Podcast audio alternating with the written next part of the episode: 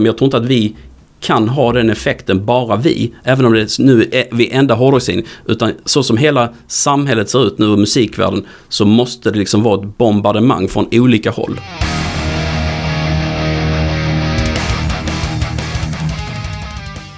Hej och eh, välkommen till Rockpodden. Den här torsdagen sitter jag ner med en av Sveriges absolut mest rutinerade hårdrocksjournalister. Jag snackar om och med Martin Karlsson. Han skrev ju om hårdrock i Expressen i över 20 år. Han har hunnit med en bunt år på close-up och de senaste 10 åren, så när som på dagen, har han varit chefredaktör för Sweden Rock Magazine. Jag tycker det här blev ett eh, grymt intressant eh, samtal om musiklivet i Sverige och världen i framtiden och dåtiden och eh, just nu. Över till Stimhuset där det här avsnittet spelades in. Stort tack Stim för att vi fick låna den fina lokalen. Du lyssnar på Rockpodden. Martin Karlsson är veckans gäst. Jag heter Henke Branneryd och jag önskar dig en god lyssning. Martin Karlsson, Hej! välkommen till Rockpodden. Tack så mycket. Hur är läget med dig? Jo, det är bra. Måndag morgon. Mm. I Stimhuset sitter vi. Ja, fantastiskt. Jag satt upp och jobbade till klockan två i natt, så jag är i bra form. Skönt, ja men det är bra. Det känns lite journalistiskt att sitta uppe på nätterna. Ja, Ja, jag fastnade i att kolla på bilder på Don Airy. ja det är ju såklart. Typ två timmar. Ja. Kom du fram till något? Ja, jag hittade lite schyssta bilder från hans tid med Ozzy och Rainbow och sånt där. Och när jag sitter och jag kan ägna timme efter timme efter timme och bara kolla på bildbyråer. På massa coola gamla bilder. För att vi ska ha en enda bild. Ja. Så kan jag lägga, ja, fyra, fem timmar. Saxon till exempel. Det, nu för ett par veckor sedan så vi ska ju ha Saxon på omslaget nästa år.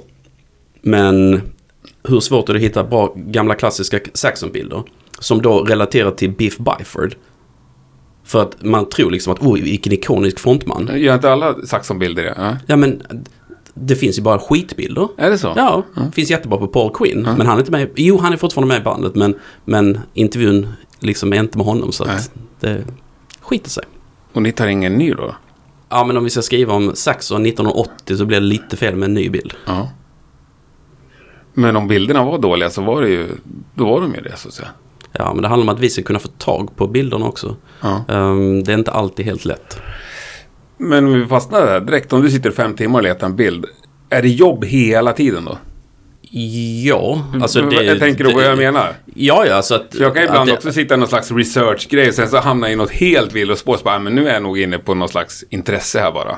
Absolut, visst är det så. Alltså i, i natt, vad som hände också var att jag, jag sökte på någonting och sen så kom jag in på Thin Lizzy och sen så sparade jag nu kanske 12-14 olika bilder Thin Lizzy för jag tänker att jag ska gå igenom dem med Scott Gorham. Och han ska liksom kommentera varje bild. Då fick jag liksom ett uppslag till en framtida artikel. Bara, det, har vi, jag tror inte vi någonsin har kört en sån grej. Och sen så började jag liksom... Det här är helt sjukt för att jag... Alla vet ju att alla människor kommer dö. Men man tänker liksom att Ozzy, när dör han? När som? Så att jag har liksom alltid i bakhuvudet, när kommer Ozzy att dö? Så att vi har ju liksom, vad är det, tre eller fyra stycken artiklar som vi kan slänga in. När han dör. Lite så som när kungen dör. Ja, ja, att de har radioprogram färdiga. Jo, men vad som hände var för, kan det vara fyra år sedan, då satt vi i det, i det här dilemmat att vad ska vi ha på omslaget nästa nummer? Vad ska vi ha på omslaget nästa nummer? Det problemet har vi inte för, för ungefär fyra, fyra och ett halvt år sedan så gick jag in med målsättningen att vi ska börja bygga upp ett lager. Så jag tror vi sitter med ungefär 50 stycken tidlösa omslagsartiklar. Innan de här artisterna dör, är för gamla, liksom har Alzheimers eller... Ja.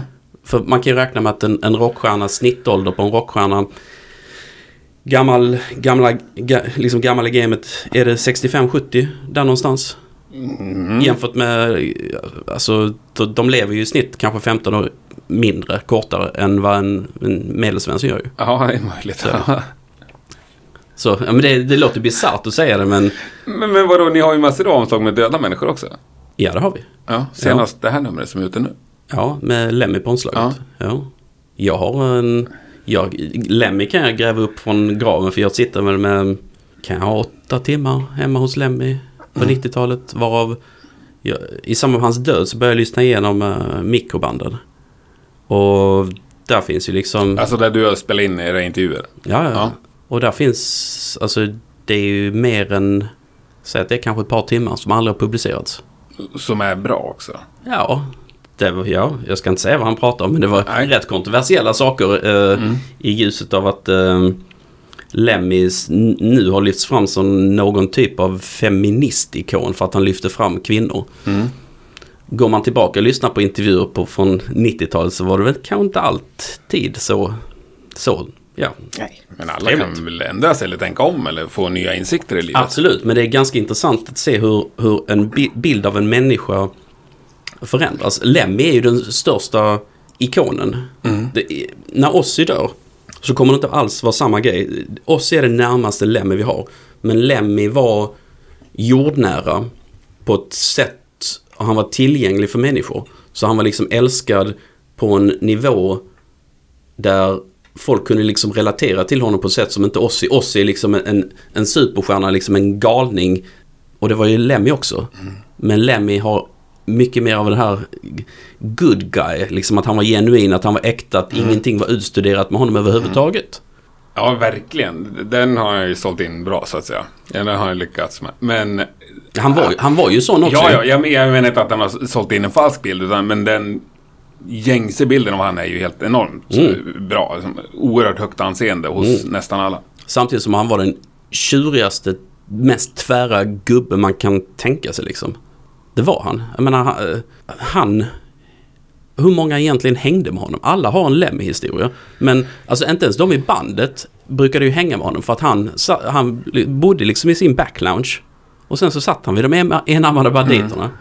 Eller så hängde han med, liksom, med andra. Det var ju inte som så att han umgicks så mycket med dem i bandet. Förutom liksom i, i jobb. Eller det är liksom, folk har jättemycket historier om att de har träffat Lemmy. Men hur många liksom har haft de här djupa konversationerna med honom? Nej, men det är väl inte så många. Men det gäller inte det liksom alla världskändisar? Alla som har träffat Yngve kommer ihåg det. Eller Madonna. Jo, fast Lemmy var ju tillgänglig på ett annat sätt. Ja, Han hängde ju liksom alltid på Rainbow. Ja, ja, ja Och- absolut. och sånt där. Jag har Så alla har en där också. Ja, så alla har en Lemmy-historia. Men Ja. det där att det var inte så många som... Man, man, man får intrycket att han... Folk stod honom nära. Och kollade på liksom begravningen. Och sånt. Alla hade liksom nära historier men han var ju liksom en ensamvarg egentligen. Ja, det, det, det så väl känner jag hans historia liksom. Ja, vi fortsätter på Lemmy-spåret och eh, döda och levande liksom gamla ikoner. Är det, brinner du för det så att säga, berätta den historien? Om de är döda... Ja, det spelar ingen roll då om de är döda, men Ozzy eller Lemmy, du förstår det facket med gubbar som har hållit på sen innan vi föddes. Alltså det intressanta är att när jag... Jag lämnade Close-Up för ungefär tio år sedan. Då var jag mindre nostalgisk i, i mitt... Både mitt journalistiska tänk och vad jag, liksom vad jag själv gjorde. Eh, sen fick jag ju skruva om hjärnan ganska rejält i och med att jag blev chefredaktör på Sweden Rock Magazine. Och då upptäckte jag det också att dagens musiker har inte lika mycket att berätta. Och det finns inte lika mycket roliga historier att berätta. Och det finns inte lika mycket intressant att berätta i nutid. Det är först när man reflekterar och ser tillbaka på saker. Det är då man får alla de bra historierna. Så gäller det med det mesta. Det ska till väldigt speciella människor, typ Mikael Åkerfeldt i Opeth. För att det ska bli lika intressant som något som är mer historiskt. Ja, säger du som att det är en objektiv eh, faktum liksom. Ah, Om man ska generalisera så är det så. Ja, Det är svårare att få folk att berätta inom citationstecken sanningen idag. För det finns så mycket, det, det, det finns så mycket mer att bevaka. Det är, ju, det är ju ingen som sitter och marknadsför en ny skiva och sitter och snackar skit om den. Ja, det, det finns några få. Det Ja, finns ja, det faktiskt. Men, ja. men, men sen tycker alla, nästan alla, att nej men det där, nej men det där, nej det där skulle vi inte gjort. Vi, nej men det där bolaget eh, pressade oss att göra det. Sanningen kommer liksom fram efter x antal år. Så är det ju. mm, ja, ja. Du håller inte med? Jo, men jag håller inte med om att det är intressantare. Är inte, alltså, är inte den opolerade sanningen mer intressant än Nej. den tillrättalagda som, som alla kör med Ja, för, för, att, det för att det är rätt. Den promosnack. kan väl också vara tillrättalagd tio år senare för att det ska låta lite coolt liksom. Och man insåg att man gjorde en töntig grej som ett bolag tvingade en till. Och så sen tio år senare, då är det ju lätt att vara cool då. Och säga, ja ah, men det var dem. Så det är ju roligare tycker jag att prata med det bandet. Så här, du, den här grejen ni gjorde förra veckan, var det coolt? Kändes det rätt och relevant? Tycker jag. ja, jag håller inte med. Nej. Nej, men jag tror att jag har ett helt annat fokus liksom. Eller jag, jag vet att jag har det. Men om vi, om vi, om vi ska utkristallisera. Hur ser uppdraget ut med Sweden Rock Magazine? Nej, eh, uppdraget. ehm, det blir bara konstig frågeställning här. Ehm, jag vet inte riktigt hur jag ska svara på uppdraget. Det är som att man... ehm, Någon äger tidningen ja, som inte är du. ja. Och de har anställt dig som chefredaktör för att göra en tidning. Ja, eller så här är det att tre stycken... ehm, det här får du ju formulera om. Ja. Eller, vill du köra om frågan eller? Ja, men vad har du för uppdrag då? Som chefredaktör? Alltså Mitt- vilken tidning ska ni göra? Hur ska den vara? Alltså det finns inga satta ramar för det. det. Det finns inte ett nummer som är det andra sig likt. Och allting kan förändras i, i sista sekund. Jag försöker ju se till så att vi har en bra mix i tidningen. Men det är väldigt sällan man får till det. För det är så otroligt många eh, aspekter av en tidning som folk inte ser. Mm. Folk säger att oh, men in, med det, in med det här. Det är för lite av eh, progressiva, det är för lite AOR, det är för lite black metal. Och så sen ska alla bitar falla på plats. Det är väldigt svårt när man har så många olika aspekter i, i ett nummer att eh, ta hänsyn till. Mm. Det förstår jag. Alltså eh, Sweden Rock Magazine är, är dels en nostalgisk tidning och skriver även om idag. Och vi har varit, om jag ska vara självkritisk så har var, var SRM bättre på att skriva om nutid innan jag tog över. Jag tror att trots mitt perspektiv, att jag kom från close-up och, och kanske var det därför för att alla förväntade sig att jag skulle liksom göra SRM till close-up. Och folk, det, folk rasade ju när jag anställdes som chefredaktör. Så jag tror jag ansträngde mig åt andra hållet för att se till att visa att nej, jag ska inte göra den typen av tidning som ni tror att jag kommer göra. Och sen är det som så också att hårdrocken har blivit liksom mer nostalgisk. Och- Och tittar man också på läsekretsen, folk som köper tidningar är äldre än vad de var för 10-15 år sedan. Då följer ju banden med också. Men det låter nästan som att du sitter och ursäktar dig. Ja, jag vet inte om jag ursäktar mig. Jag, bara, jag, jag kan säga rent självkritiskt att vi har varit sämre på att fånga upp nya band. Och det är också något som jag märkte nu i, i samband med Clo- Close-Ups nedläggning. När man läser liksom kommentarer i sociala medier. Att bilden av Sweden Rock Magazine är hos en del att det är en gubbig tidning. Jag tycker inte att den, är, att den är helt rättvisande. För vi kan liksom lyfta fram eh, typ 12 sidor om Enforcer. Vilken annan tidning gör det till exempel? Men vi kan bli ännu bättre och det är därför som vi nu inför en lite, lite nyare, hårdare avdelning. För också kunna fånga upp, fånga upp eh, close-up-läsarna. Okej, och vad är det för avdelning? Vi kallar den Extreme Aggression efter Creators album. Ja, fantastiskt platta. Ja. Ja, vi fick eh, ett, en engelsk vignett. Nej, men där vi skriver om nyare, hårdare band. Kör vi lite mindre typsnitt så att vi får in mer hårt utan att det tränger ut den breda hårdrocken. För det är ju, Sweden Rock Magazine är bred hårdrock egentligen. Det är liksom det som är vårt signum. Styrka. ja, men det där skulle jag ändå vilja att preciserar mer. Om jag Mm. kallar det uppdraget, du kallar det signum. Men alltså rent så här, vad är det för tidning ni gör? Hur formulerar du det? En bred hårdrockstidning och vårt nya motto är egentligen hårdrock på djupet. Om du tittar på vad vi gör, vad vår styrka är, så är det liksom den här långa hemma hos-reportagen. Ingående saker med både svenska men även utländska musiker. Som man inte kan läsa på gratissajter. Och du kan, många av de här grejerna som vi gör kan du inte ens läsa om du eh, köper Classic Rock i England. Vi har satsat hårt på att få till de här hemma hos-grejerna. Och liksom komma in på livet i ar- artisterna så att vi kan berätta en annan historia. Som inte bara är den här gängse bilden av artisterna. Okej, och det, ja, det är grymt. Men det är typ max ett sånt reportage per nummer. Kan vara två också. Kan vara tre också. Beror på hur långa de är. Ja. Menar, när jag gjorde hemma hos David Coverdale så var det 20 sidor ett nummer och 17 i nästa. Mm. Det, då tar det rätt mycket plats. Ja, men, men det var lite unikt va? Ja, men sen var det hemma hos Tommy Theory Kiss. Det var Ja. samma sak det här nu. Sen körde vi 20 sidor i studion med Ghost. Det tog 20 sidor. I nästa nummer så har vi på extra sidorna som bara prenumeranterna får så har vi 15 sidor med Michael Danner. Känd från Merciful Fate, King Diamond. Så att det blir rätt mycket som Mm. tar sånt plats. Mm. Ja, nej, vi, vi, vi lämnar det där med uppdraget. Men må, publiken, har ni den liksom klar för er? Ni har en bild av vem läsaren är? Vi har en bild av att det är liksom den här breda hårdrockspubliken. Det är Mm. de som vi vänder oss till. Men samtidigt, vi är en tidning med små resurser så att det är inte som så att vi sitter och gör marknadsundersökningar och, och sånt där. Vet du till exempel vad du, vad, vad, vilk, vad, vad är en Rockpodden-lyssnare för dig? Nej, nej, jag utgår från de som eh, kommer fram och snackar med. Eller kan, det, det som går att se det är ju vilka, vilka som följer Rockpodden på Facebook. Och det är ju ändå 6000 pers. Så det är ju tillräckligt många för att det ska vara statistiskt. Men sen är det också mycket äldre folk som hänger på Facebook. Mycket yngre som inte gör. Men eh, nej, jag tänker att det är typ Sweden Rock Festival-besökaren. Vit man, 43 år. Mm.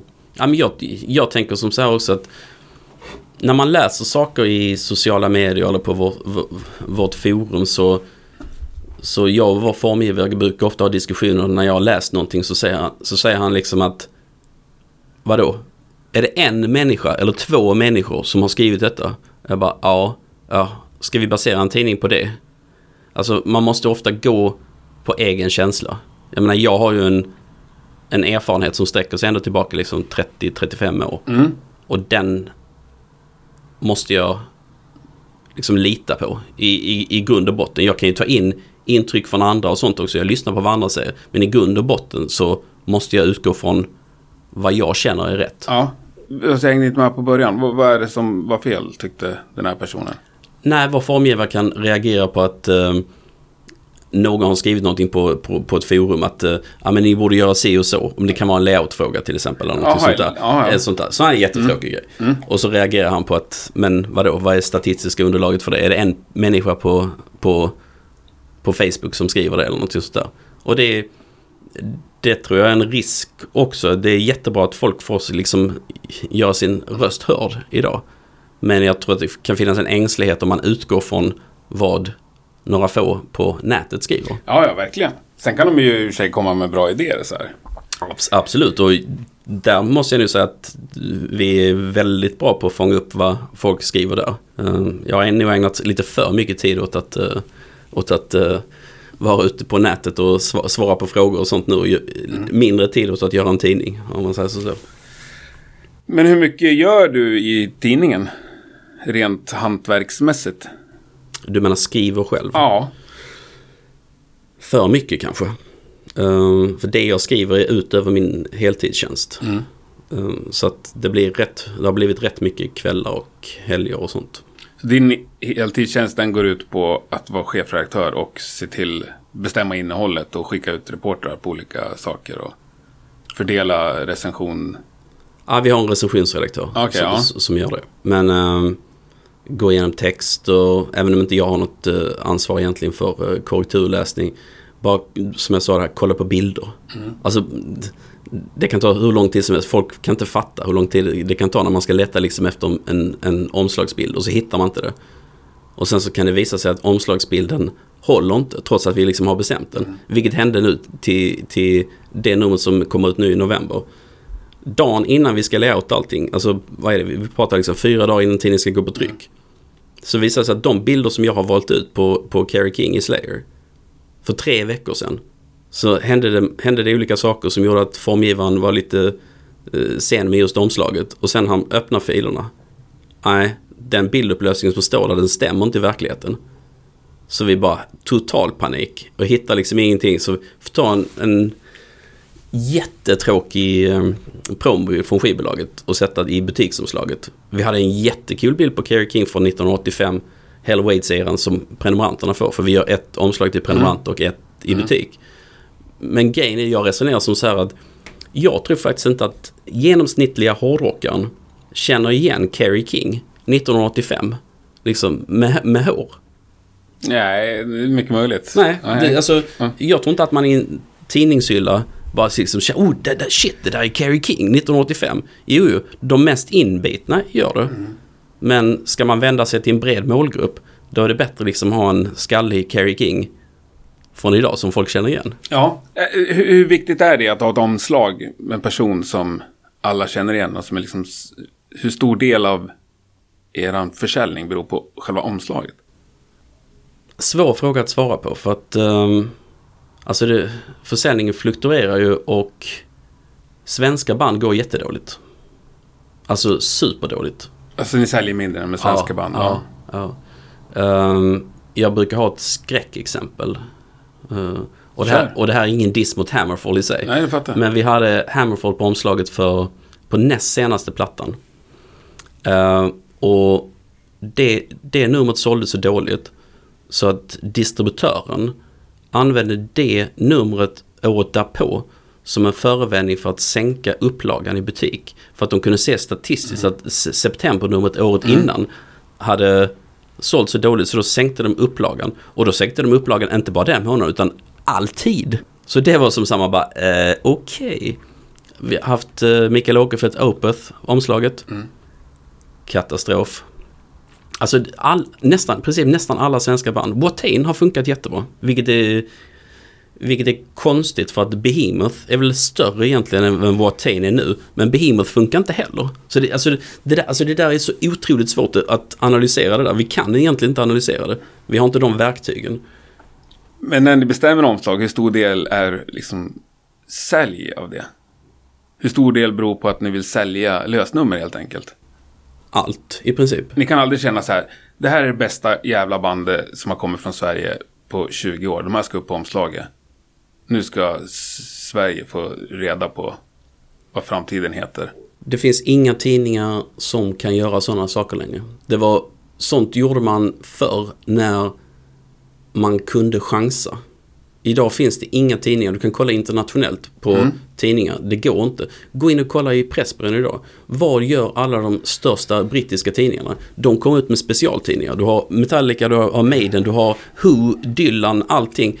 Och jag, Jag somnar ju innan jag kommer fram till tidningshyllan. Alltså. Ja, och jag pratade med en, eh, en, en tjej som jobbar på eh, en av de här specialbutikerna för, för tidningar. Hon sa liksom att de här tidningarna, de, bara, de, de kostar liksom mellan 100 och 300 spänn styck. Och de bara flyger iväg. Alltså det är så, de internationella tidningarna sitter och paketerar sina saker i sånt där. Mm. Men, men ja, vadå, skulle du vilja ha, kunna göra med vad du vill på omslaget så att säga? Ja, det hade väl varit trevligt. Men nu har vi ju det sen förra året att vi har fått igenom i vårt tryckeriavtal att vi får göra två olika omslag. Mm. Så vi har ett omslag till prenumeranter och ett omslag i butik. Eh, Just nu... Men det är alltid samma artist. Nej, det är inte det heller. Ta ett exempel här då. Nästa år, kan vi väl avslöja då, kommer vi ha eh, Lucifer på omslaget. Mm. Och då sa jag direkt att jag vill inte ha Nick Andersson på omslaget. För vi har haft Nick Andersson på omslaget och det är egentligen, där är också en lite tråkig situation för att folk i, i Sverige är mer intresserade av Nick Andersson än Johanna. Så är det. Ja. Ja, det, det, är liksom, det är självklart. Men jag sa direkt att jag vill ha bara Johanna på omslaget och jag vill ha ett personporträtt, hennes livshistoria. Bara henne. Och så sa jag det, vad sägs om att Nicke gör ett specialomslag där, Nicke, vad sägs om att du målar Johanna till omslaget? Och du får göra om vår logga, hela alltet, liksom ett sånt specialomslag. Riktigt bra idé. Ja. ja. Så det ska det bli nästa år. Men det är bara till prenumeranter. Hur tror du att en målning på Johanna i Lucifer skulle sälja i butik? Det skulle vara katastrof. Alltså tyvärr. Så är det. Även om det är Nick Ja. Andersson som har gjort det. Men då kan vi göra som en samlargrej och en cool grej. Vi kan lyfta fram henne. Och vi får det här coola samlaromslaget, men till prenumeranter. Ja, jag tror det. Jag, jag bara blir så här... äh, Jag är så ovan med det här, så här business-tänket liksom. Eller jag, jag blir ledsen av det också. Jag önskar att alla bara ska göra allting av hjärta. Och så sen fattar jag att ni har massa annonsörer, en massa anställda och massa saker att ta hänsyn till. Som till exempel jag kan skita i. Jag kan göra ett avsnitt som förra veckan med en totalt okänd gitarrist. Som har tusen plays på Spotify bara för att jag tycker att han är grym. Liksom. Och så vet jag att det kommer vara hälften så lite lyssningar som normalavsnittet. Men det bryr inte. Jag, alltså, jag, jag gör ju det för att jag vill det. Och den friheten har ju inte ni. Inte på omslaget, nej. Nej. Men tittar du i tidningen så har vi de där grejerna. Alltså, ja det har vi. Ah, Okej, okay, alright. Ja, det, det är inte meningen till någon, debatt, men det har ni ju inte. Nej, men alltså vad va, bara- vad gjorde vi? 16 sidor på demobandet Mephisto.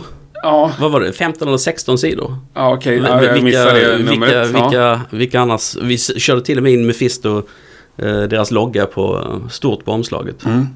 Tillsammans med Angus Young. Så att han kunde sälja tidningen. ja, ja, och det är ju nobelt och hedersvärt. Alltså, om du inte får folk att köpa tidningen med ett omslag. Mm. Alltså, då är det ingen som läser om de mindre kända banden ändå. Vad, vad, det fyller ju inget syfte att göra en tidning som folk inte plockar upp i butik. Nej, det är så- klart. Om det du är liksom- säljer noll, då är det ju totalt värdelöst. Det fattar jag också. Ja, Säljer man lite mindre så kan jag ju fort se ett grymt syfte i det. Alltså Ja, nu är inte om, du- omslaget är inte tidningen, det är inte samma sak. Nej, det är, det är två helt olika Ja. saker. Och sen, sen vad vi gör också, som, som mig veterligen vi har varit ganska ensamma och som vi införde 2010. Och det var att ge extra sidor till prenumeranter. Där vi kan liksom, vi kan köra precis vad som helst där. Och vi kör ju djupare grejer än vad andra tidningar gör. Men det där med omslag också. Jag menar, Close-Up hade mer, mer okommersiella omslag än oss i butik. Ehm, hur gick det? Jag menar, Ja. ja men alltså på riktigt det är väl klart att vi måste eh, lyfta fram tidningen i butik. Men vår butiksförsäljning är faktiskt det absolut minst viktiga för oss. Det är prenumeranter som är, det är A och O. Det är liksom hela tidningens bas. Allt bygger på det. Det går inte att jämföra. Nej. Skulle säga att de är ungefär tio gånger så viktiga. Både ekonomiskt och eh, alltså vad vi kan göra rent kreativt till prenumeranter. Ja, jag förstår. Nej. Vi behöver inte fastna i det här jättelänge, även om jag skulle kunna göra det. Lätt. Åh jävlar, förlåt. Hypnos, gör lite reklam för nu. Eh, fantastiskt bra svenskt band. Jag är till och med, jag, jag är till och med så proffsig så jag satte på eh, uh, flygläge. Åh jävlar, ja det är proffsigt. Uh, vad ska vi säga? Jo, men du sa någonting där eh, för en kvart sedan om att de äldre har historier och de är roligare att läsa om och det är det folket vill läsa och därför blir det att ni skriver om dem. För mig blir det som ett så här ekorrhjul bara, som en spiral som bara sakta går neråt. Någonstans så måste ju, tänker jag, ni är Sveriges enda hårdrockstidning nu. Nu är det jag. Ni har ett jävla ansvar tycker jag. Jag tänker att vi ska ha rockmusik också om 30 år. Och någonstans måste vi börja föryngra. Vi kan inte ha Kiss och Lemmy på varenda omslag. Jag fattar att folk tycker det är kul att läsa om, men man må, jag tänker att alla, eller stora festivalbokare, och det är samma sak där egentligen. Vi måste börja presentera nästa generation, eller nästnästa generation, ännu hellre. För den här publiken som tror att de bara gillar Kiss, AC/DC, Iron Maiden och Motörhead. Sen så presenterar man, eller tar med dem på en spelning med några 25-åringar liksom. Så bara shit, det här var ju svinbra. Det ansvaret skulle jag önska att många tog i svenskt musikliv liksom. Eller i hela världen såklart. För det, bilden är väl ungefär likadan. Även om jag tror att vissa länder är bättre. Mm. Alltså du hittar, du hittar de här banden i tidningen. Men du hittar inte dem på omslaget. Nej. Men sen, sen en annan sak också är att, att alltså mycket, av den, mycket av den spännande musik som görs inom hårdrock idag är mer, ska man säga, alternativ hårdrock. Som inte är traditionella hårdrocken. Och Sweden Rock Magazine är ju mer baserad i den traditionella.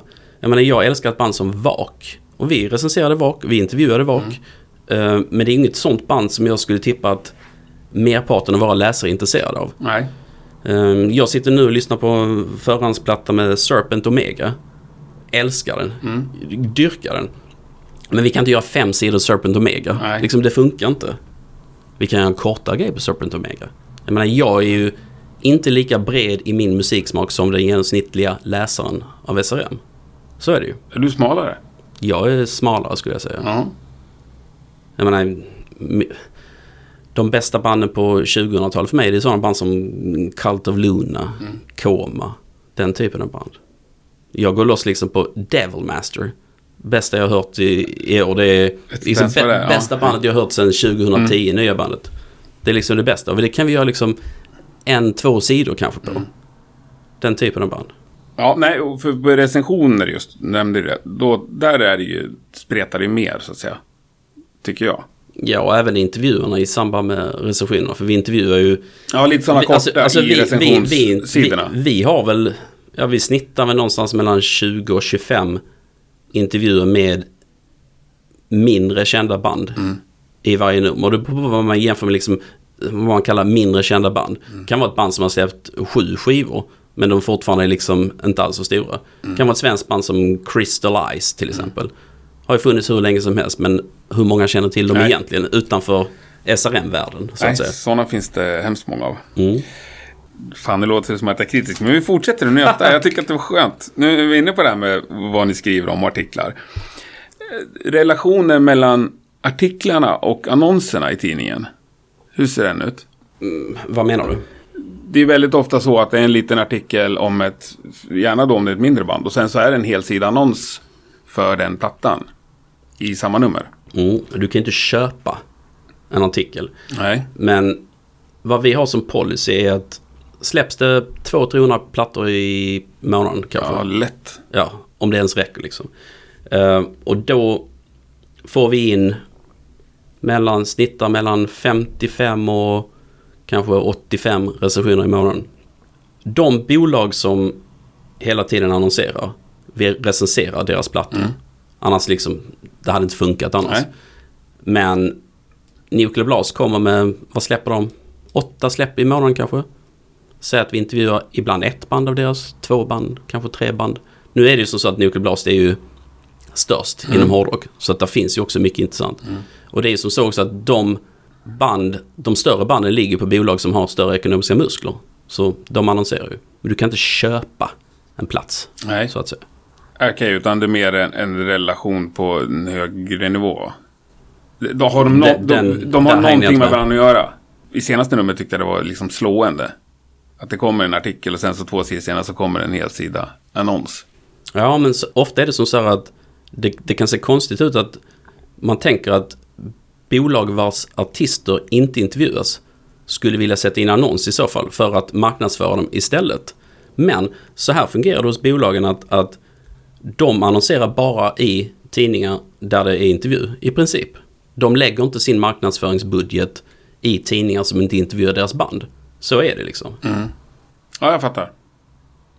Men det betyder, bet- men det betyder alltså inte att oh, om du inte annonserar så gör vi inte den här liksom stora intervjun. Nej, jag förstår. Jag, jag tror att jag fattar precis. Men jag fattar också att det hör ihop. Att det är ett, ett, en symbios, eller vad ska vi kalla det? Hela grejen. Allting lever Mm. i symbios igen, i princip egentligen. Men det här med 200-300 plattor i, i månaden. Hur definierar ni vilken musik ni skriver om? Vart drar ni gränsen? Kallar, eller ni säger att ni skriver om hårdrock. Ja, men vi, vi kallar Sweden Rock Magazine en hårdrockstidning men vi skriver även om sånt som inte är hårdrock. Um, hårdare form av rock. Lite progressiv 70-tals. Uh, vi, kan, vi kan liksom gå in på lite krautrock om det är någonting sådär.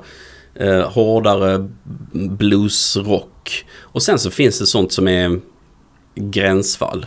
Ja, det är intressant. Vad är gränsfall? Ja, det, kan, det kan vara också... eh, Vilka hamnar utanför? Vi försöker att inte skriva för mycket om det som jag brukar kalla radiohårdrock. Vi har med sån musik men Vad är radiohårdrock? Så- radiohårdrock för mig det är amerikanskt sound. Behöver inte vara från USA. Nej. Men som kretsade kring, det börjar med new metal och sen så hela den här alternativa amerikanska hårdrocken. Den, den polerar. Den som, den som man kan höra på Bandit Jag brukar säga som så att om någonting, jag har, jag har sk- skivbolag som hör av sig, om den här, liksom, det här går jättebra i radion. Jag bara, då känner jag direkt på att, ah, men då är det nog inte för oss. Alltså, förhållandet är att om det går bra på radion, då är det ofta något som jag lite ryggar tillbaka mot. Mm. Du hänger inte med? Jo, jag, jag, jag tror jag hänger med. Jag vill bara att det ska utveckla det. Ja, roligare, det är ju mer specifikt ju roligare det är. Alltså Dead by April typ. Är det sånt vi pratar om? Ja, annat. April, by April är inget, inget SRM-band överhuvudtaget. Nej. Där har liksom gränsen passerats. Men, men det där är jättesvårt också för... ehm, Corroded. ja, de skriver vi om. Mm. Men vi gör inga fem sidor på Corroded. Nej. Det, vi, man kan väl säga om man vill vara Lilla syster. gränsfallsband. Lok. Ja, nu har ju ja, Luke har ju precis återförenats. Vi Ja. recenserade dem. Men Det är ju det, det, det är en också... stor grej ändå. Ja, men ett, ett, ett annat exempel. Sveriges, det, det som länge var Sveriges största hårdrocksband. Vilket var det? Vet du det? Ja, eller Europe eller vad tänker du? Ja, men den eran så på 90-talet så var det Clawfinger. Mm. Under några år så sålde de ju enorma mängder plattor. Mm. Det var, allting kretsade kring, eh, kring Clawfinger. Samtidigt är Clawfinger ett klockrent SRM-band idag. Inte riktigt. Det är liksom den här, vad ska man säga, rap metal. Vi, vi skriver till exempel inte om Deftones. Nej. Jag älskar Deftones. Mm. Skitdåligt liveband. Fantastiska på skiva. Men det är inget band som vi skriver om. Korn är ett sånt band också.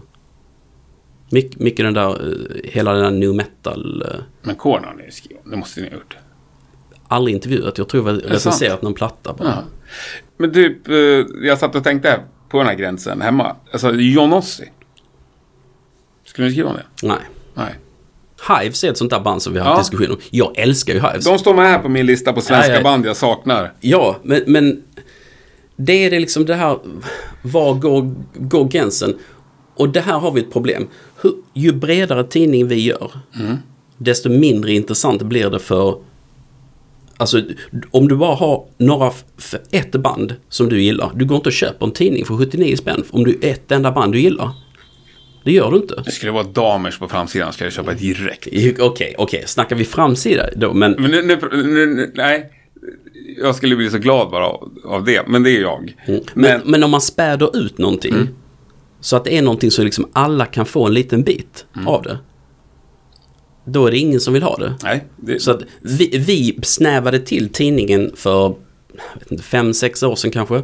Att tog bort lite mer av den, alltså, av den moderna hårdrocken. Snävade till lite. Och när jag snackar moderna hårdrock då menar jag inte...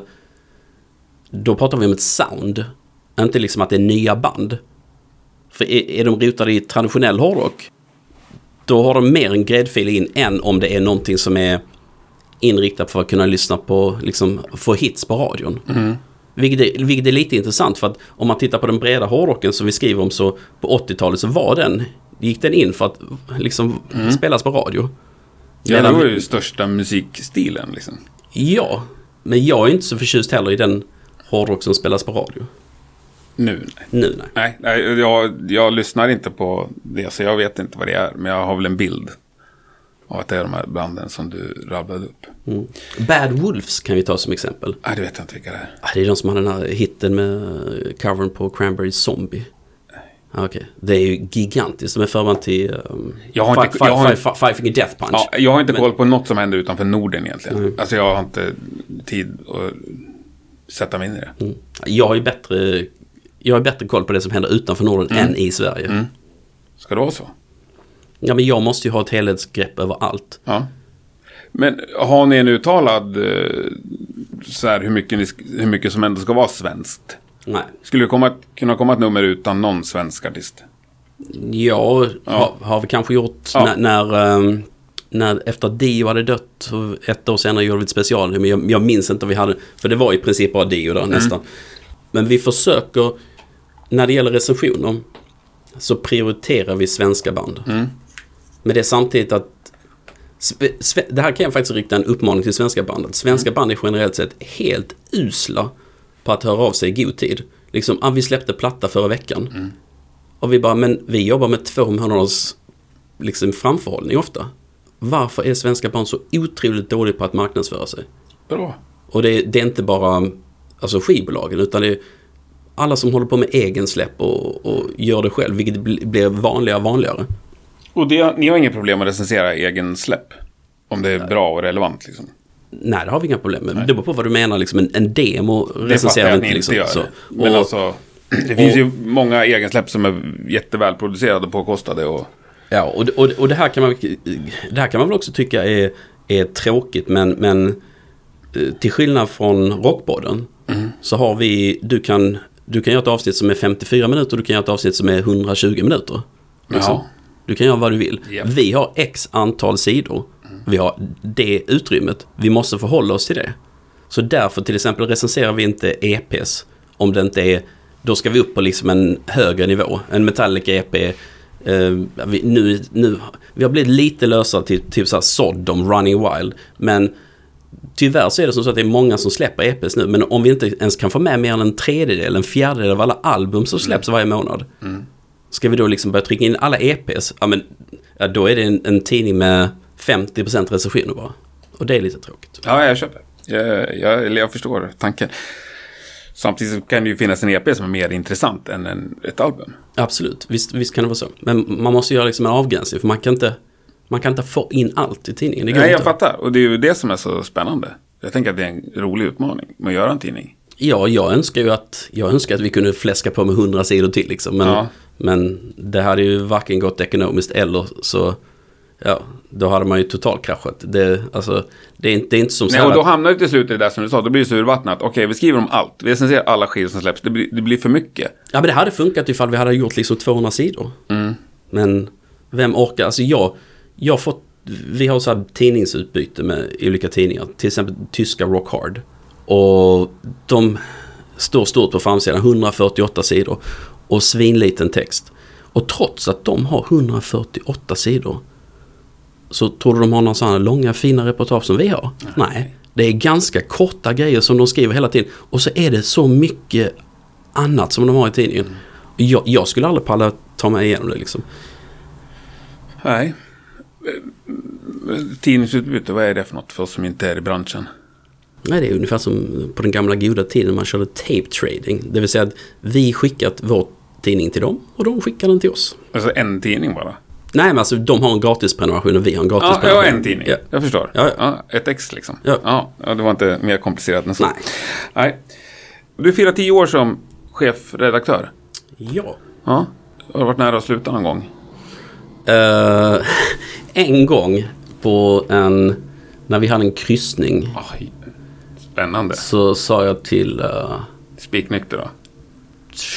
Tror att jag var bakis faktiskt. Jaha. Eh, eller det där stadiet när man inte vet om han är nykter eller bakis. Eh, så skrek jag till eh, en av ägarna bara, jag slutar!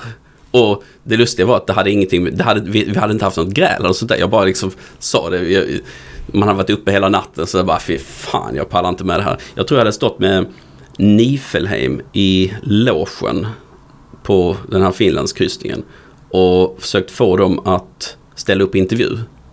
Och det lustiga var att jag spelade in hela grejen om att jag inte, att de inte ställde upp på en intervju. Så jag hade liksom så här, jag vet inte, en timme när de bara liksom tycker att jag är svindryg. Och bara liksom, men kom igen nu en intervju. Bara, ja, bara fuck off. Ja, men, fuck off. Så, precis som de är. Eh, det var jätteroligt att lyssna på i efterhand sådär. Synd, synd att jag inte har kvar den inspelningen. Men då var det en sån där, du vet, man hade kört en all-nighter. Jag bara, nej fan, det här rocklivet, nej, nu, nu lägger jag ner liksom. Men det var inte så seriöst? Nej, Ni gick inte vidare? nej det, det som händer på en finlandsfärja det räknas liksom inte när det gäller sånt. Nej. Eh, Har du varit nära att få sparken någon gång? Ingen aning, Nej. det har, tror jag inte. Inte som du har haft på känn att nu Nej. jag cyklar Nej, nej. efter Hammerfall-numret där liksom. Mm. Ja, jag skämtade faktiskt för vi har ju en ny ägare sen, vad är det, snart två år tillbaka. Mm. Ehm, Christian Lindell, han är gitarrist i bandet Portrait och ehm, nästa år så fyller jag 50. Och då, ja, nu ska jag hänga ut Messiah här. Gör det? Ja, för Messiah från Candlemass, han, eh, ja, han är inte med i Candlemass längre. Nej. Men han och jag firar födelsedag samma, vi fyller samma dag. Och han har flera gånger sagt att vi borde ha en gemensam födelsedagsfest. Vi borde ha en gemensam födelsedagsfest. Och jag har liksom aldrig kommit till skott med det. Men sen så tänkte jag till min 50-årsfest Att han ska sjunga Merciful Fate-låtar som Merciful Fate aldrig spelar. Och typ demolåtar och sånt där också. Med Portrait som kompband.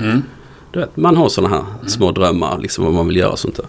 Så nu har jag hängt ut honom här offentligt, så nu måste han ställa upp. Låter ju som en bra fest. Ja, men då sa jag det också att... Det är eh, smalt för övrigt. Smal eh, musikunderhållning på festen. Ja, men Messiah. Står och dumdansar i, i sin Ja, ja, klassiska är, munkapa. jag älskar det. Ja, nej, men då sa jag till Christian där att, eh, på skämt som sa att ja, men det är jättebra att jag drar in dig liksom att du firar min 50-årsskiva för Mm. då kan du aldrig sparka mig för då är vi liksom, då är vi liksom blood brothers då ju. Men det är Christian som är ägare av tidningen. Han äger tidningen. Själv. Ja. Bra. Förut var det festivalen som ägde tidningen, eller samma bolag liksom. Nej, har aldrig varit. Nej, berätta, hur, hur ser det där ut då? Det här är en, Det här- det här är en stor missuppfattning. Jag vet, som du märker. Så berätta. Ja. Så här fungerar det. Sweden Rock Festival äger varumärket Sweden Rock.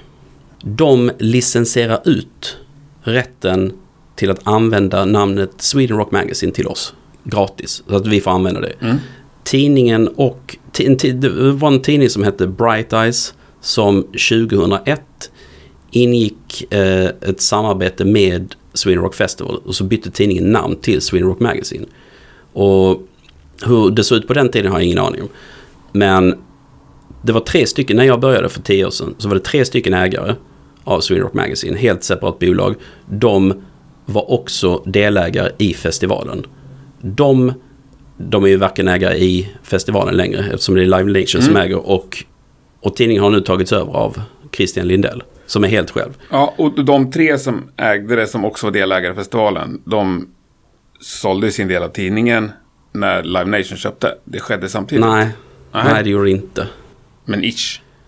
Ja, Ja. det är lite komplicerat där för att det var en, så, en, så, en så försvann och sen så försvann de två andra också. Så att lite komplicerat, lite olika tidpunkter och sånt där. Men folk tror ju fortfarande att Sweden Rock Magazine är samma sak som Sweden Rock Festival. Och varför säger jag så? Jo, för att jag rättar mig på att till och med inom Sweden Rock Festivals egen kommunikation Ja. så de kan köra liksom annonser och sånt där där det står Sweden Rock. Men jag rättar mig på sånt för att vad är Sweden Rock? Det är en festival i Blekinge. Ja, men det, jag har folk som, folk som uh, mejlar till mig och sa att vi skulle gärna vilja vara med i nästa nummer av Sweden Rock. Men du vet, Sweden Rock, det finns ju Sweden Rock Magazine Jag och Sweden Rock. Festival. Och det, det, när man själv jobbar med det så är det svårt, så är det lite irriterande när folk liksom säger Sweden Rock. Och man vet liksom inte vad, vad, vad är det Men för det någonting. borde väl vara en mer positiv eh, bieffekt. Jag menar, ni har samma namn och ni har samma logga. Så det är inte helt jättekonstigt att folk tycker det. Nej, nej, nej, nej jag, jag fattar hela den grejen. Men jag, jag vet inte hur många gånger, alltså det rör ju sig om, det är snart fyrsiffrigt när jag får, har f- fått förklara att Sweden Rock Festival och Sweden Rock Magazine är inte samma sak. Och folk kan undra varför vi sk- inte skriver om samma saker som är på festivalen. Men festivalen är mycket bredare än vad tidningen är. Alltså, de har ju, där kan ju Wilma X spela. Vi skulle ju aldrig någonsin skriva om Wilma X. Om det inte var liksom att eh, Nisse Hellberg eh, berättar eh, historier om fem ACDC-låtar. Men typ någonting sånt där. Men inte för att det skulle ske tror jag. Men, men, men andra, de andra kopplingarna som finns är att ägaren och lagret hyr in sig i samma lokaler som festivalen sitter i Sölvesborg. Alltså betalar hyra och allting sånt. Sen har vi fler stycken som vi får bättre akkrediteringar. Inte bättre, men vi får akkreditera fler. Kommer det en tidning från någon annanstans så kan inte de komma och säga att "Ah, vi vill ha 30 recensenter på plats. Nej. Det, det hade liksom inte funkat. Men vi har fler som finns på plats. Sådär då. Sen vet jag inte om, alltså de har en annons i varje nummer. Eller tio gånger per år får de en annons som alltså helt enkelt mot ett byte mot att vi får använda namnet Sweden Rock. Men vi, vi gör så, så också att vi recenserar egentligen inte konserter i tidningen. Det kör vi på Facebook-sidan. Förutom Sweden Rock Festival. Men där finns, det har vi inte gjort alla år. Men när vi inte gjorde det så blir ju läsarna som så här. För att det är ju, många av våra läsare åker även på Sweden Rock Festival. Så att när vi inte gjorde det så var det liksom... Mm, det var inte... Då märkte man att det numret sålde sämre. Samt, alltså samlas det liksom 35 000 hårdrockare och vi sen kommer ut med ett eh, sommarnummer som ligger ute i, i nästan två månader längre än vad ett vanligt nummer gör. Skriver vi då att vi har liksom en 40 sidor, eller som nu senast 50 sidor special om Sweden Rock Festival, då säljer det ju betydligt Mm. bättre ju. Samtidigt så, eh, snittbetygen som vi ger, skulle jag säga är lägre. För att vi recenserar så pass mycket. Medan de andra tidningarna, om det är Aftonbladet eller vad det nu är, recenserar tre, fyra konserter per dag. Medan vi recenserar liksom 80% kanske av det som är där. Mm. Så det, så, så, så det är inte bara positivt för festivalen så att säga att vi kan ge liksom oss i en 3 av 10 och sånt där och, och, och sågar. Så vi, så vi sågar ju liksom ganska mycket där också. Och sen så ställer vi väldigt öppna frågor till festivalen. Det är det enda stället där de svarar på frågor. Och det är kritiska frågor också. Om du kollar in den specialen förra. Du får svar där som du inte får när du... Ja, ja, ja. De, de, de svaren som Martin Forsman gav. Till mig? Nej, Sweden Rock, Ja. i Sweden, Sweden Rock Ja, Magazine. du i mig, ja. ja, i, i, i, nu i somras. Jag skulle säga att de var mer ingående och öppnare än vad... Ja, du får reda på någon annanstans i Rockpodden eller någon sånt. Okej, det är mycket möjligt. Jag tyckte, jag, jag tyckte han var öppen mot mig. Jag tyckte jag var ganska kritisk också. Sen var det första gången jag träffade han. Jag hade ingen som helst relation till honom då. Så här. Kanske det blev annorlunda. Men det är klart. Det, men ni ska väl ha nära relation med dem? Ni vill väl att det ska vara så? Eller hade du drömt om att tidningen hette Blackrock Newspaper? Fan vilket bra namn. Alltså om vi förlorar rättigheten till att ha namnet, då ska jag fan ta den alltså. Ja, ta det. Ja, Nej, men alltså, we have a winner. finns det någon dröm om att heta något annat? Nej. Nej? Alltså, vi står ju inte faller på det. Jag menar det kan ju inträffa, det ju, klart att det kan inträffa att de säger att nej men vi tycker inte att ni ska få heta Sweden Rock Magazine längre. Nej. Jag menar det är ett avtal som löper på, jag vet faktiskt inte, jag tror att det är fem år kanske. Jag är inte så insatt i de där affärs, affärsbitarna. Jag är som sagt inne i citationstecken bara chefredaktör. Jag, jag försöker, eh, eh, sånt överlämnar jag till ägare och sånt för jag är mer intresserad av det kreativa. Du nämnde det här med snittbetyg. Uh, räknar du på sånt? Eller är det bara en känsla? Jag har faktiskt inte räknat. När du säger det nu så tänker jag på eh, Expressens klassiska tv-krönikör som också var nöjeschef, Anders Björkman. Eh, Jag skrev för Expressen under många år och han brukade föra betygsstatistik på oss recensenter.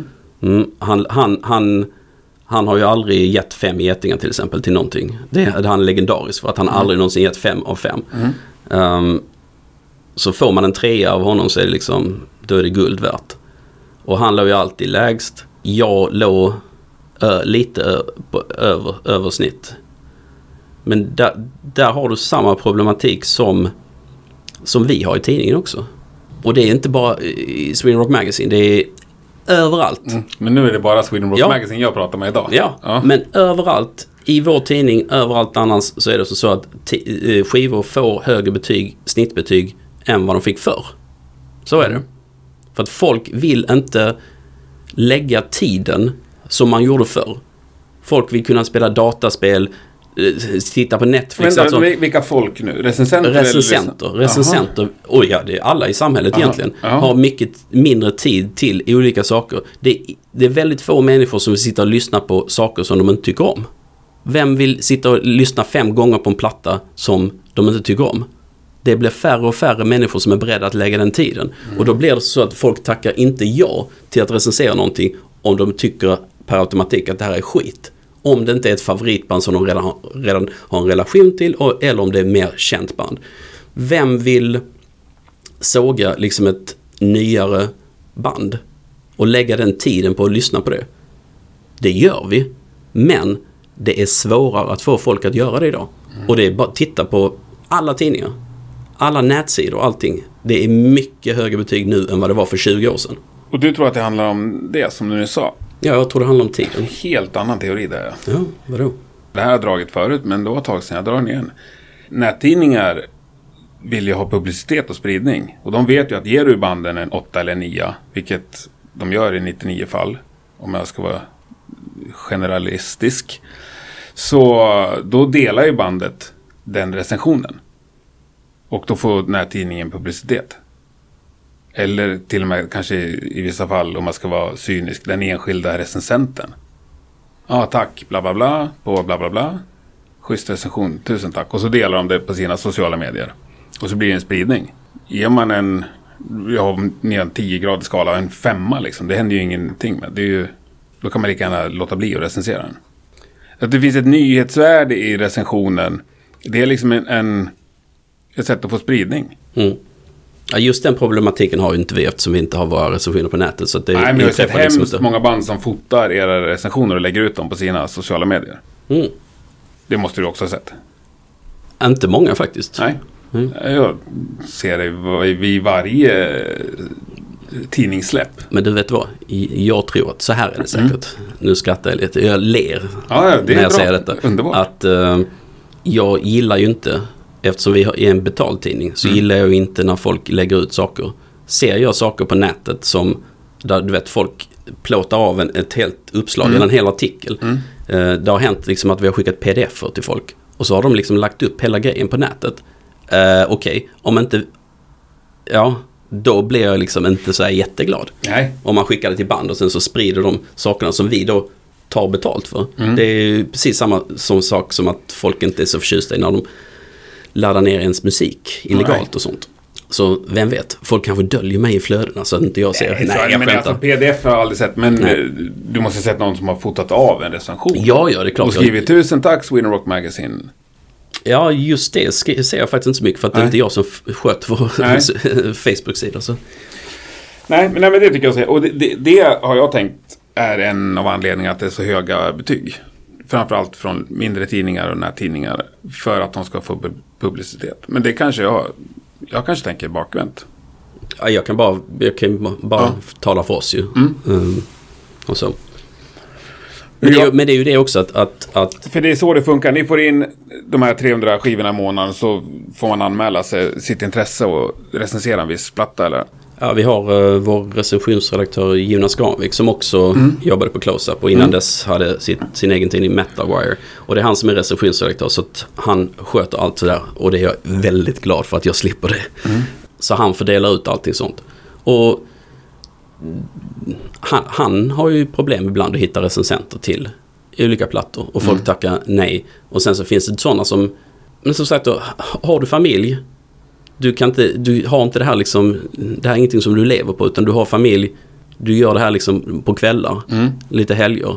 Ska du då, vill, man, värderar man sin tid och att man vill lägga liksom fyra timmar eller fem timmar på att lyssna och recensera en platta som man tycker direkt bara, nej men det här kommer inte jag gilla.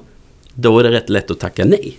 Så är det ju. Ja, ja, ja, jag förstår det. Jag förstår det. Jag Du, du, vill, du vill ju inte lägga ner tiden på att intervjua någon som du bara känner direkt att, nej men det här, det här kommer bara bli skit. Nej, men jag jobbade som recensent en massa år. Då gjorde jag ju det, för jag tyckte det var roligt att recensera. Sen tycker jag att det... Jag ledsnade på det. Och nu har jag ju Det gjorde jag också. skapat min egen... När jag var i min egen lyckas med så fick jag göra precis vad jag ville. Men skulle jag vara recensent så tror jag att jag skulle... Ja, ah, skitsamma. Det är helt irrelevant. Men eh, ja, jag får göra vad jag vill. Mm. Jag, jag tänkte på det här du sa det här liksom att vi, vi är bundna vid olika saker. Vi kan inte göra vad vi vill och sånt där. Och jag känner att jag är inte det. Jag, det finns ett band som, som aldrig slog igenom som heter Hyrax. Ett uh, thrashband på 80-talet. Jag var i Los Angeles och hängde med Caton. Han, han, han ligger bland annat bakom, han är DJ på eh, Rainbow Bar and Grill. Det är han som ligger bakom um, Lemmy-statyn. sådär. Ja, coolt. Eh, åtta timmar på band. Eller på mobiltelefon Mm. har jag inspelat med honom. Jag, jag sitter och drunknar i material. Jag vet inte vad jag ska göra med det. Så jag har liksom inte gjort någonting med det. Men det kommer vi göra sju sidor på. Vilken tidning skulle göra sju sidor på Hyrax? Ja, liksom, nej, det, det... det är liksom... Ja, nej. det, och det är, det är för att han har en intressant historia Ja. att eh, berätta. Mm. Och han är en jättecool snubbe. Så vi, vi plåtade honom, jag plåtade inte utan Linda Åkerberg gjorde det.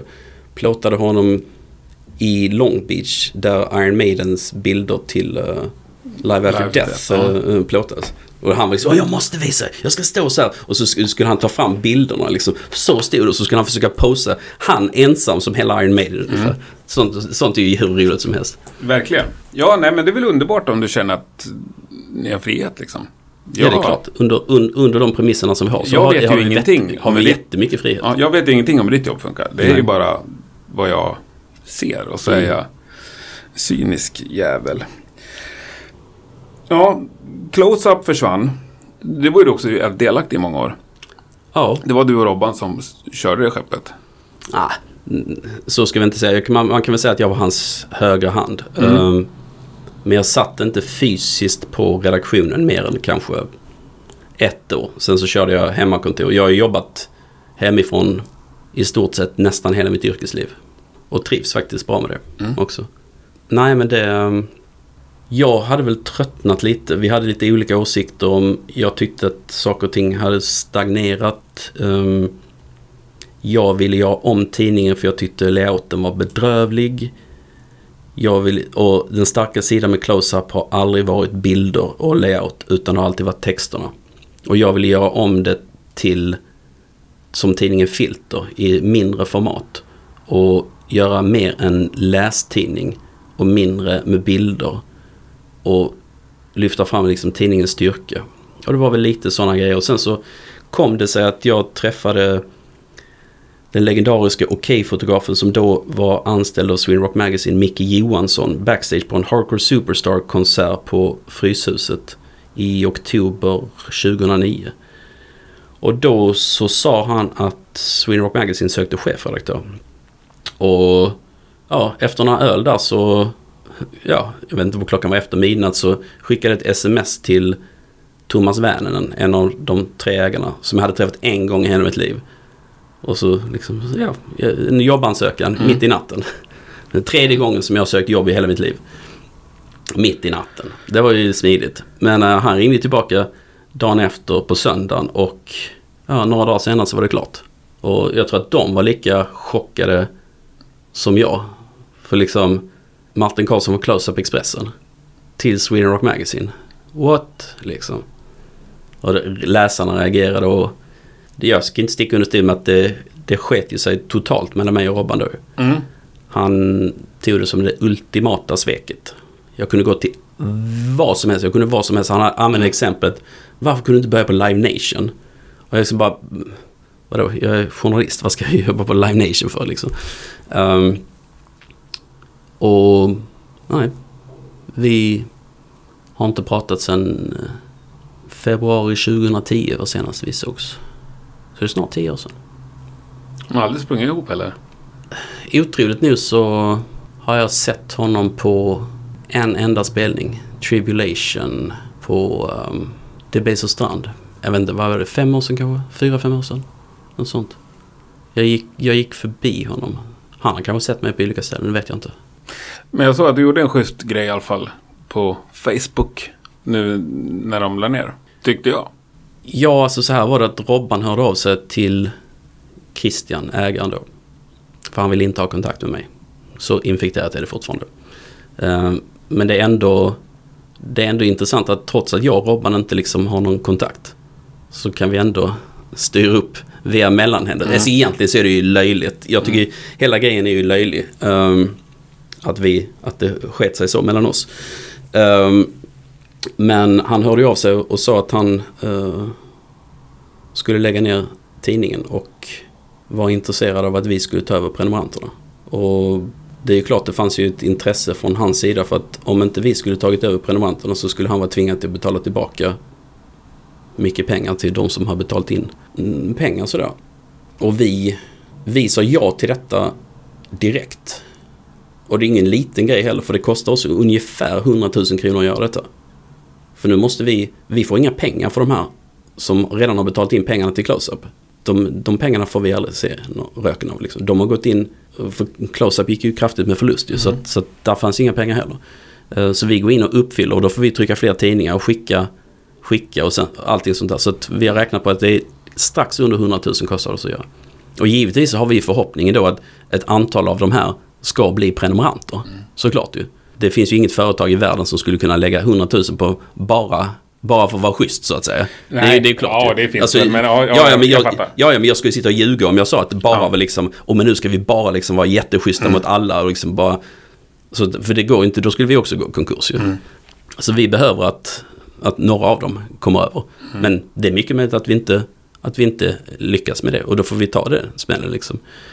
Men det kändes viktigt att göra detta och jag sitter nu med en guldgruva hemma hos mig.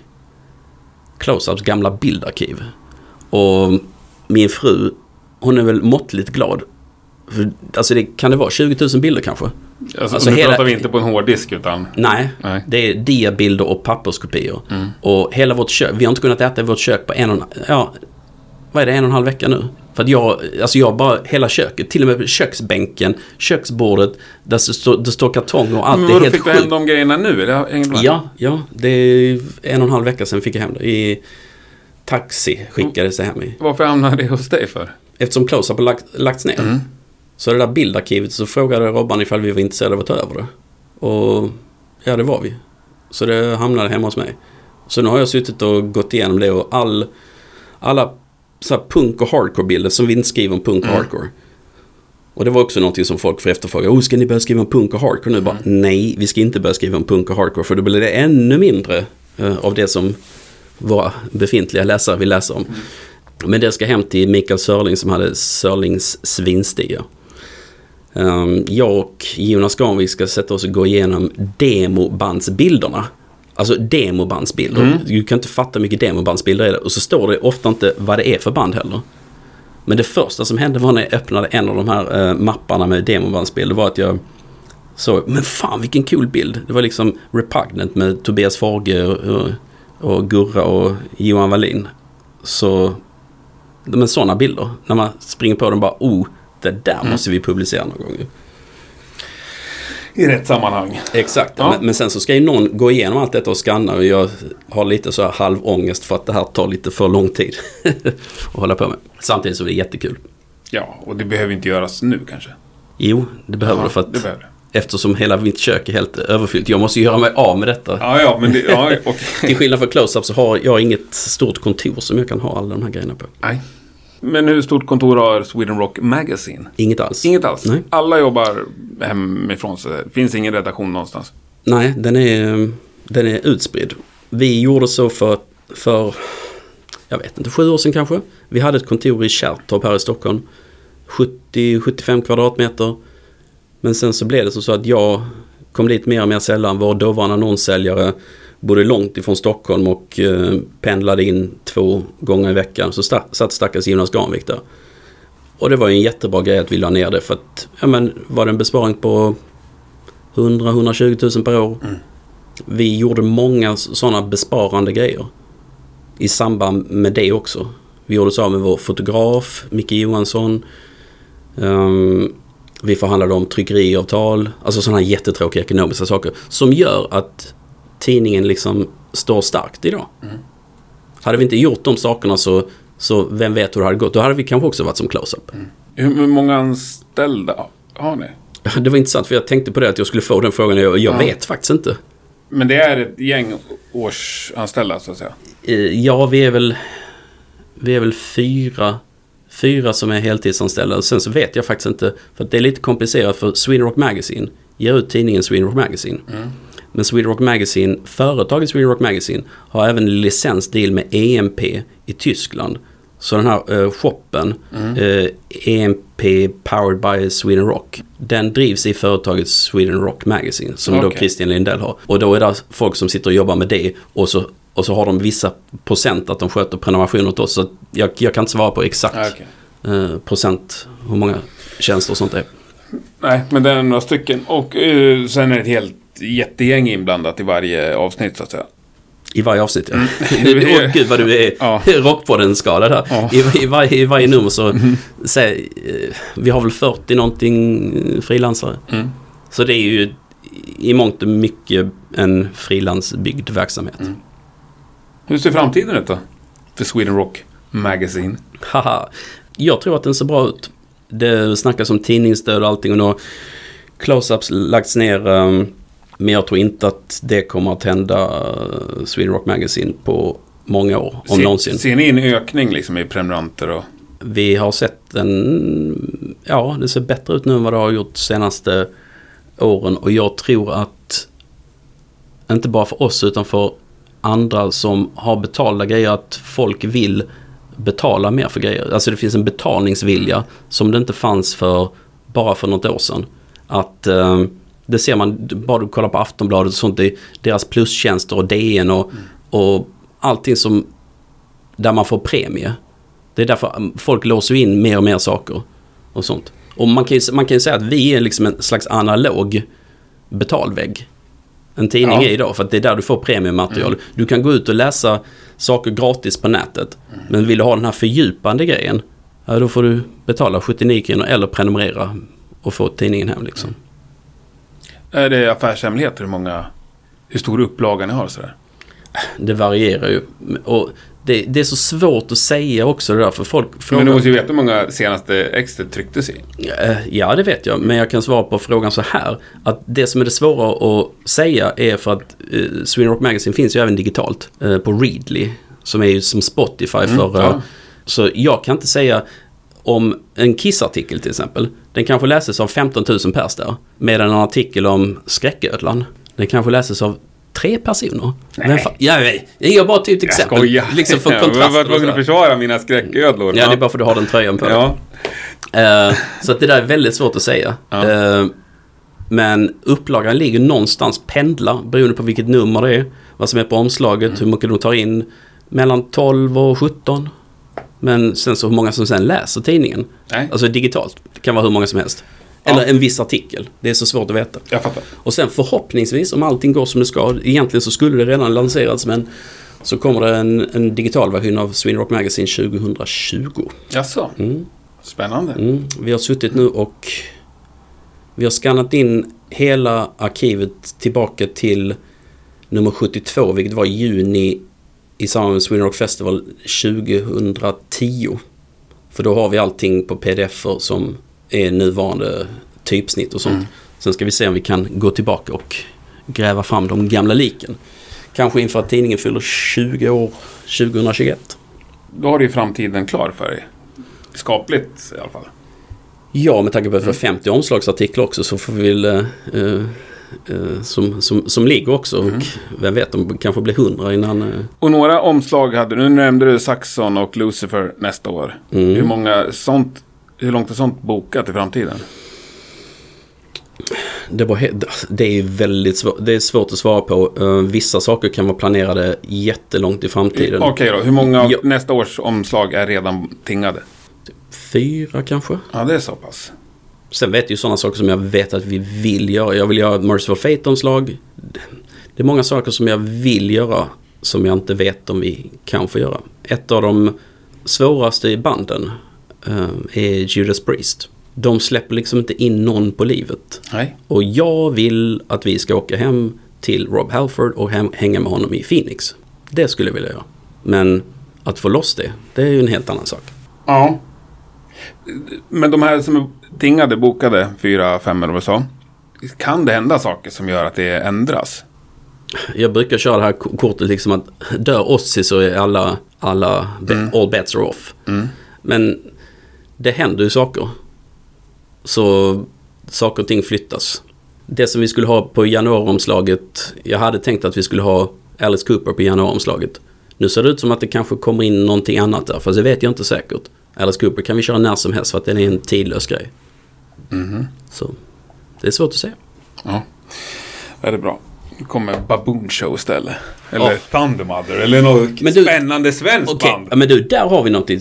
Jag älskar Baboon Show. Ja, jag med. Mm. Ja, dyrkar. Släng upp dem på omslaget. Mm, vi skriver inte ens om Hjälp dem. dem. Vi skriver inte ens om dem. Nej. Nej, för att det, är- det är inte hårdrock. Alltså det finns lite ACDC i dem, men det är inte ett hårdrocksband. Och skulle vi börja skriva om Det är väl sådana lika band... mycket hårdrock som Alice Cooper? Nej, det är inte.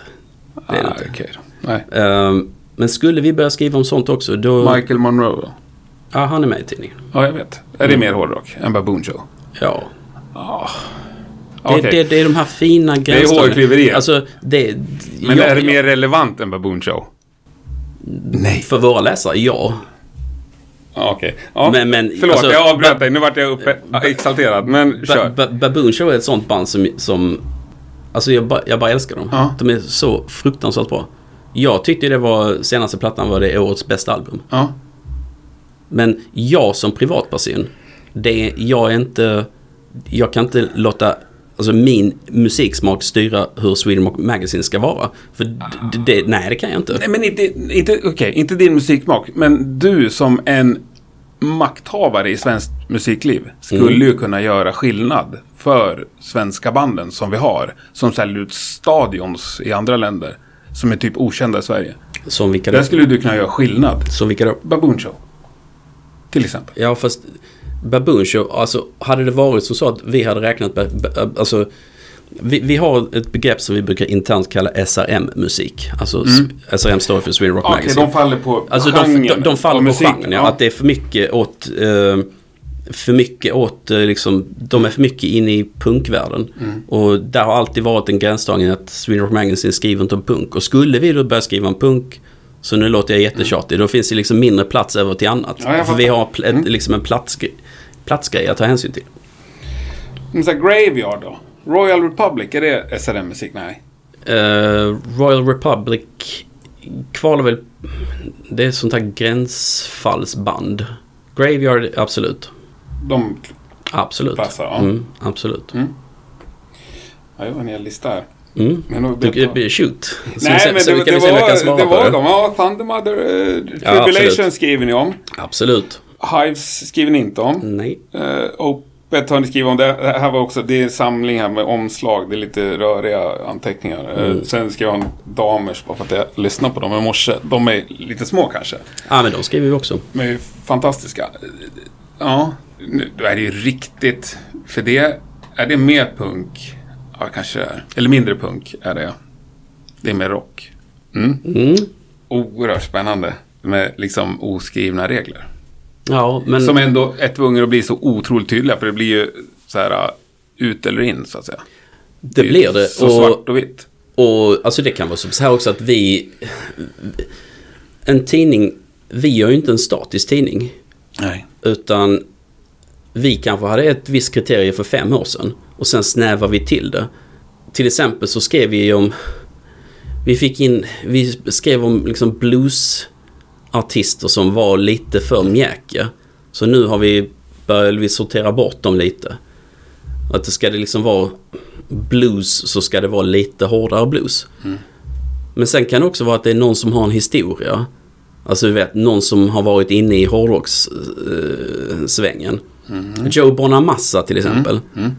Det är en sån här, jag tycker han är hopplöst tråkig. Men att jag tycker han är hopplöst tråkig ska inte påverka vad tidningen skriver om. Det, det ska det inte göra. Nej, okej då. Men då snurrar ju det här skiten på liksom. Med de här tråkiga gubbarna. Fast han är ju ingen... Ja, han är en tråkig gubbe. Det kan vi säga. Han är en grym gitarrist, men ingen kan kalla honom något annat än en tråkig gubbe. Ja, men han är inte gubbe. Ja, det är han ju inte. Det är han väl. Ja, men han är egentligen ganska ny artist. Om man, alltså i, i det stora hela. Det är bara det att han, han spelar en genre som, som du och även jag och många andra tycker är gubbig. Där har du, har du mer fråga om att, att, att han hade Ganska ny artist, men han har varit eh, svinstor i alla fall tio år. Ja. Ja, eh, visst. Men jag förstår vad jag menar med att vi rullar på det här. Du säger själv att du tycker han är tråkig, men vi skriver om han. Alltså det blir ju det här negativa. Fan börja skriva om nej. sånt som är roligt istället. Ja, ja, men jag är ju bara en enskild... Du får det låta Men du är som ju att... chefredaktör. Ja, men, nej, men, ja, men som sagt... Och makthavare. Det är det, vi, det ansvaret tycker jag att du ska ta. Ja men vi är en, alltså vi, nummer ett så är vi en hel eh, redaktion. Det är inte så att vi sitter, ja ah, men nu så ska jag skriva Ja. mitt favoritband här, jag ska skriva mitt band, liksom lyfta Du fram är ju sådär. chefredaktör. Nej, det där köper Jo, det jag är inte. det ju. Ja, men jag köper inte det resonemanget. Nej, nej, det, det behöver du inte göra. Det, Inte för fem öre. Nej. Du känner att du kan göra skillnad. Absolut. Mm. Och det gör vi hela tiden också. Ehm, sen så är inte SRM... Jag har tänkt på det mycket nu liksom, i samband med Close-Ups nedläggning. Att i branschen, alltså historiskt sett så Close-Up sågs ju som mycket mer creddig tidning än vad Sweden Rock Magazine gör. Det är också någonting som säger att det finns en syn på den genomsnittliga hårdrockaren som, ska vi säga, lyssnar på, gillar Sabaton, Iron Maiden, att det är inte lika coolt, det är inte lika fint som att lyssna på Skräcködlan eller om det är Vak eller om det är Baboon Show. Förstår du vad jag menar? Ja, det är klart jag det, fattar vad du menar. det, det var egentligen hela det var egentligen hela anledningen till varför föregångaren till Sweden Rock Magazine startades en gång i tiden, Bright Eyes. Just på grund Mm. av att Close-Up hade en profil där de inte liksom, de sorterade bort, och vi, och jag var delaktig i det också. Mm. För jag, är inte intresse- jag har inte varit intresserad av power metal sedan 80-talet. Nej.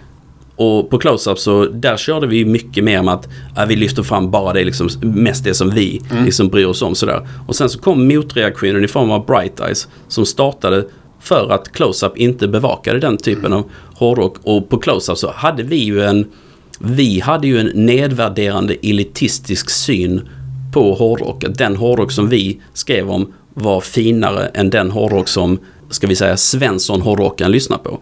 Och Men har inte, Det har- har inte det- ni det då? Du, Vi du säger inte det. själv att ni inte skriver om sånt som spelas på radio. Det finns ingen elitism i det menar du? Nej men där, för, för mig handlar det om där att nummer ett att vi inte kan vara, så vi kan inte vara för breda. Det handlar om att målgruppen, om man lyssnar liksom på Säg att man lyssnar på eh, Judas Priest och så gillar man uh, Watain. Ja. De två banden är kompatibla. Medan Watain och Five Finger Death Punch är inte kompatibla på samma sätt.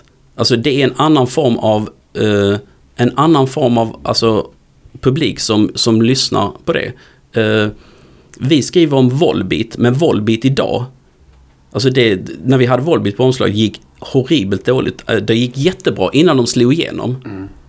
Det var före min tid, så uh, SRM satte uh, Volbeat som på omslaget. Det var jättetidigt ute. Uh, apropå upptäcka band tidigt och sånt där. Eh, och lyfta fram på omslaget. Det gick jättebra. Men sen senaste gången vi hade Volbeat på omslaget. Det var ju katastrofdålig försäljning. Och de har ju bytt publik. Ja. Då, d- alltså idag är det en publik som, det är lite av den publiken mer som, en yngre publik som skulle samlas på och kolla på eh, Maiden eller Metallica på stadion. Och den publiken som även lyssnar på radio, som är liksom, mm, har mer ett sånt där allmänt intresse. De köper ju inte tidningar. Och det är det som är grejen, att vi vänder oss ju lite mer till inbitna hårdrockare. För har man bara ett allmänt intresse av någonting. Det, du, du har ju inte massa lyssnare av Rockpodden som har allmänintresse. För då hade du haft tio gånger så många eh, lyssnare. Det är samma sak som vi. Hade vi lyckats fånga in alla de här som kollar på ACDC, Metallica. Det gör vi inte. Då hade tidningen varit tio gånger så stor som den är. Men de, är, de har inte det specialintresse. Man måste ha ett specialintresse. Och jag tror ju inte att de som är inne i den här moderna radiosvängen som lyssnar på, på det på Bandit, att det är den genomsnittliga tidningsköparen. Och så pre, som prenumererar. Och det, är- och det är därför det är så viktigt för oss att, att vi ska kunna vara tillräckligt snäva så att vi inte blir den här breda... Vi är breda men vi kan li- liksom inte försöka fånga in alla. Jag köper det. eh, Men jag ser inte skillnaden då i om du kallar close-up att det var elitistiskt. Alltså det är samma mekanism, tänker jag i det. Ja fast där För var... de som lyssnar på Metallica eller Maiden som är specialintresserade av det. De kanske inte köper close-up ändå. Jo, fast skillnaden är att där hade vi ett tänk då på...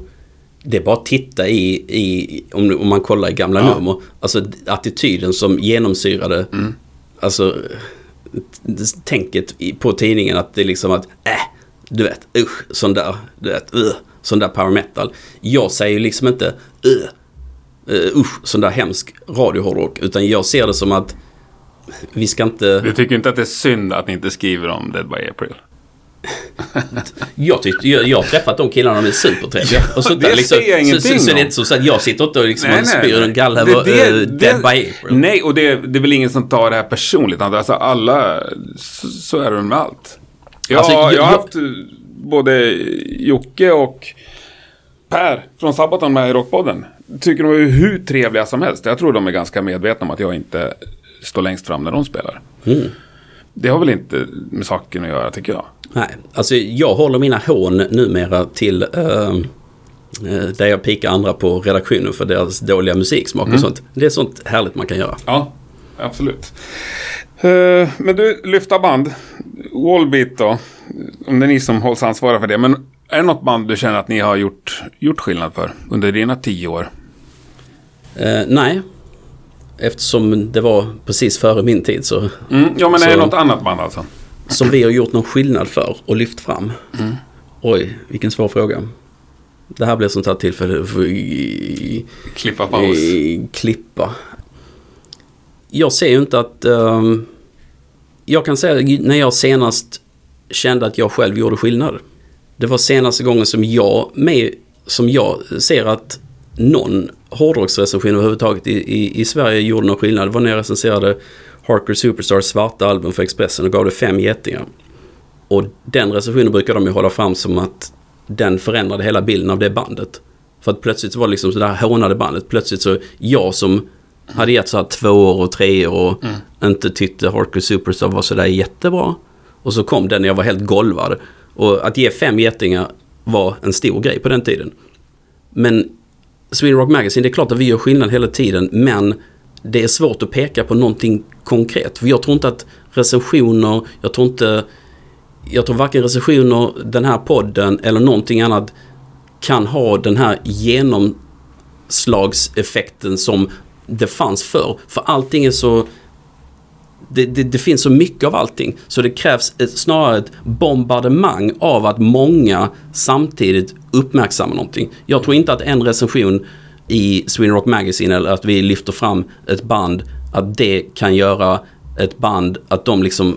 Jag tror inte... Du pratar om ansvar och sånt där, men jag tror inte att vi kan ha den effekten, bara vi. Även om det nu är vi enda hårdrocksscenen. Utan så som, så som hela samhället ser ut nu och musikvärlden så måste det liksom vara ett bombardemang från olika håll.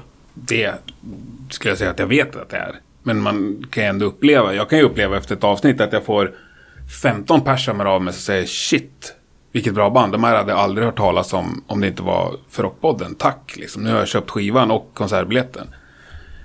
Då känner jag att jag gjort skillnad. Visst, det är 15 pers liksom, men det, det är ju, mår jag så gott av så att jag blir rörd. Mm. Hänger med? Det, det är kanske inte svar på Ja, nu, frågan. ja, nu är det som så att jag, eftersom jag inte recenserar någonting så får ju inte jag de här... eh, den, Nej, men den, den jag recenserar inte och- heller. Utan det är ju bara att man tar upp och spelar någon låtsnutt kanske. Och, alltså belyser någonting. Mm. Jag ehm, känner inte att jag... ehm, Nej. Alltså, jag känner inte att jag, känner inte att jag har den betydelsen. Det är klart att jag, att jag är en makthavare, att jag har en betydelse, men jag känner inte, alltså det rent konkret hur jag har gjort någonting för ett band. Och det är egentligen, alltså, under alla de år som jag har skrivit och gjort no- saker så är det bara egentligen den där recensionen av Harker Superstar som jag känner att där och då gjorde jag alltså sådär superstor skillnad. Enda gången. Men kändes inte det bra? Jo, det gjorde det. Alltså, det, det, det, var, ju- det var kul för att Thomas Silver, de gjorde en uppföljare i GT, för GT och Expressen är ju samma sak. Så när han stod med recensionen, att det var en bild och där var bara så bara wow och sånt där. Det var liksom typ det största som hade hänt honom sen han föddes ungefär, kändes det som sådär. Det är väl klart att det kändes bra. Men jag samtidigt, jag kan ta ett exempel när jag var på Expressen. Så alla jagade byline. Att man skulle synas på bild, en byline-bild och sånt där. ja. Jag var tvärtom. Jag, liksom bara, jag var glad om jag slapp synas. Mm. Anställningsintervjun på Sweden Rock Magazine. Så sa jag att jag har ingen sån där byline-bild som ni har. För de tre ägarna, de brukar ofta ha en ganska stor bild på sig. Mm. Sånt där. Så säger de rakt ut som så här, va? Det är anledningen till att vi anställer dig för att vi vill eh, ha, ha en bild på det där. Och då lyckades jag få igenom så att det skulle vara en liten bild och en svartvit bild. För att jag hade inget, jag, liksom inte det behovet av att, synas. Jag, så. Vilket låter jättekonstigt eftersom jag är i en publikroll så att säga. Och jag kan på min privata Facebook-sida, och vilket jag har kört väldigt hårt med nu senaste åren, bara för att det finns knappt några bilder på mig och artister under alla de åren som jag har intervjuat alla möjliga stora stjärnor. Finns det knappt några bilder alls. Och sen så efter jag hade fått barn så tänkte jag bara Shit alltså, min dotter kommer växa upp och vad gjorde min pappa när han var liten? Ja men det finns ju knappt några bilder. Överhuvudtaget. Så, så nu, nu ser jag till att ta selfies och sånt där. Ja, ja, nej, jag... Ja, nej. Det var ett bra svar. det var inte alls vad jag var ute efter, men det var, blev intressant i alla fall. Du, nu måste vi avrunda det här tror jag. Ja. Eh, du ska få en fråga som nästan alla har fått under de här 150 plus avsnitten. Har du något svenskt underskattat band som du här och nu skulle vilja lyfta lite? Ja, ehm, ett band som jag har fått en EP med dem. Som de har bestämt sig för att inte släppa som EP. Så de jobbar på ett album med, från Malmö som heter Grand Harvest. Spelar ehm, death metal. Jättebra. Finns de att lyssna på för oss? Ja, det finns de. Men inte den där EPn. Det tror jag bara fått en sån där privatlänk. ehm, för typ ett halvår sedan eller något sånt där. Vak gillar jag. Nu är inte de här nya men, men jag kom back och har gjort ehm, årets bästa album som inte är hårt. Mystery Loves Company. Svinbra. Serpent Omega. Släpps i början av nästa år. Finns, finns annat att lyssna på. Och det finns en ny låt också ute. Men Mystery Love Company, är det SMR-musik? Nej men SRM-musik. SRM, är det SRM-musik? Absolut. Absolut. Ja. Och där är en intressant grej att, att ehm, den plattan, nu ska jag komma med ett avslöjande här. Ja, kör. Mm. att eh, plattan hyllas i recensionen. Sen har vi något som kallas juryn, där fyra skribenter Mm. liksom recenserar. Och den sågas där. Och där kan jag, det, det, det är faktiskt första gången som, på länge som jag, som jag har mm, liksom så här stört mig på några recensioner. Av våra, av våra egna då också som har skrivit. Och jag bara, men hur fan kan den här människan skriva att det är liksom grunge? Det var liksom, ett, det var någon som skrev att det var industri möter grunge. Jag bara, grunge, var är grunge i det här?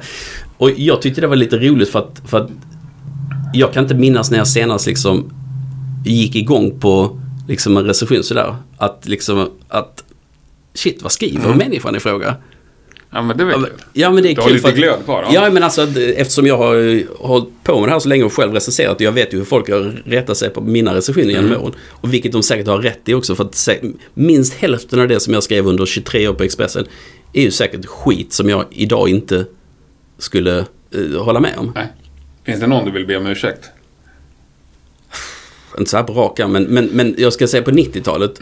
När jag går tillbaka idag och tittar på, på um, det som jag skrev om, vad ska man säga, vanlig hårdrock. För jag är ju uppväxt, alltså min kärlek det är ju egentligen 80-talets underground-scen. All thrash och allt annat obskyrt. Liksom från Infernal Majesty till Razor till Snow White till Dayton till... Alltså sådana där band Ja, som, som de mm, flesta här nu bara, "Mm, vad är det där för skit liksom? Så jag kom ju in, eh, jag kan ta ett roligt exempel, It's Alive. Ja, men Max Ma- Martin. Max Martin. Ja. Mm.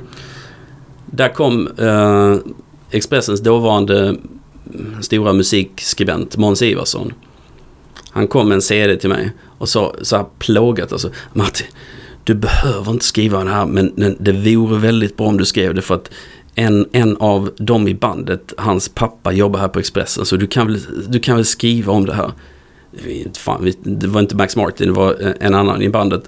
Och sen så, jag tror jag gav den en tvåa. Och den typen av hårdrock har jag ju omvärderat. Alltså jag var inne i en fas då där jag liksom, ja men du vet, sånt som Sepultura, var hela svenska death metal-vågen. Mer, du vet, Rage Against the Machine, allting sånt där. Och den här traditionella hårdrocken, det som kom då. Det hade jag inte så jättemycket Nej. till övers för då. Men det gjordes faktiskt mycket hårdrock bra. Vanlig hårdrock på 90-talet. Som förtjänar mer än vad det fick då. Ja, möjligt. Eller det, så är det ju. Det hade inte varit för uh, Sweden Rock Magazine så hade jag inte... Alltså idag så kan jag sitta och lyssna på så här eh, 21 Guns. eh, typ en sån här lite AOR-platta med Scott Gorham från Thin Lizzy eller Hardline och sånt där. Jag menar, hade du frågat mitt 20-åriga jag om det där så hade jag bara kräkts på det ju. Mm. Men du trivs ändå? Ja. Med ditt 50-åriga jag? 49 Ja. och ett halvt. Ja, det är det. Ja, härligt. Du, jag tror jag säger stort tack. Tack själv. Känns det okej? Ja, absolut. Ja, är du säker? Ja, Ja, absolut. vad härligt. Mycket trevligt att träffa dig. Ja, Hoppas detsamma. att vi ses snart igen. Ja, Ha det underbart. detsamma. Tack. Hej. Mm, det där var det det. Spännande tycker jag att snacka med någon som inte alltid tycker exakt likadant som en själv. Det vill jag göra oftare. Stort tack Martin och eh, ännu större tack nästan till dig som har lyssnat. Rockpodden är såklart tillbaks nästa vecka igen. Även då på torsdagen kommer ett nytt avsnitt. Då blir det ett litet speciellt avsnitt. Eh, kan i alla fall säga att det har inslag av eh, jubileum och skratt. Ha det underbart så hoppas att vi hörs då. Tack och hej!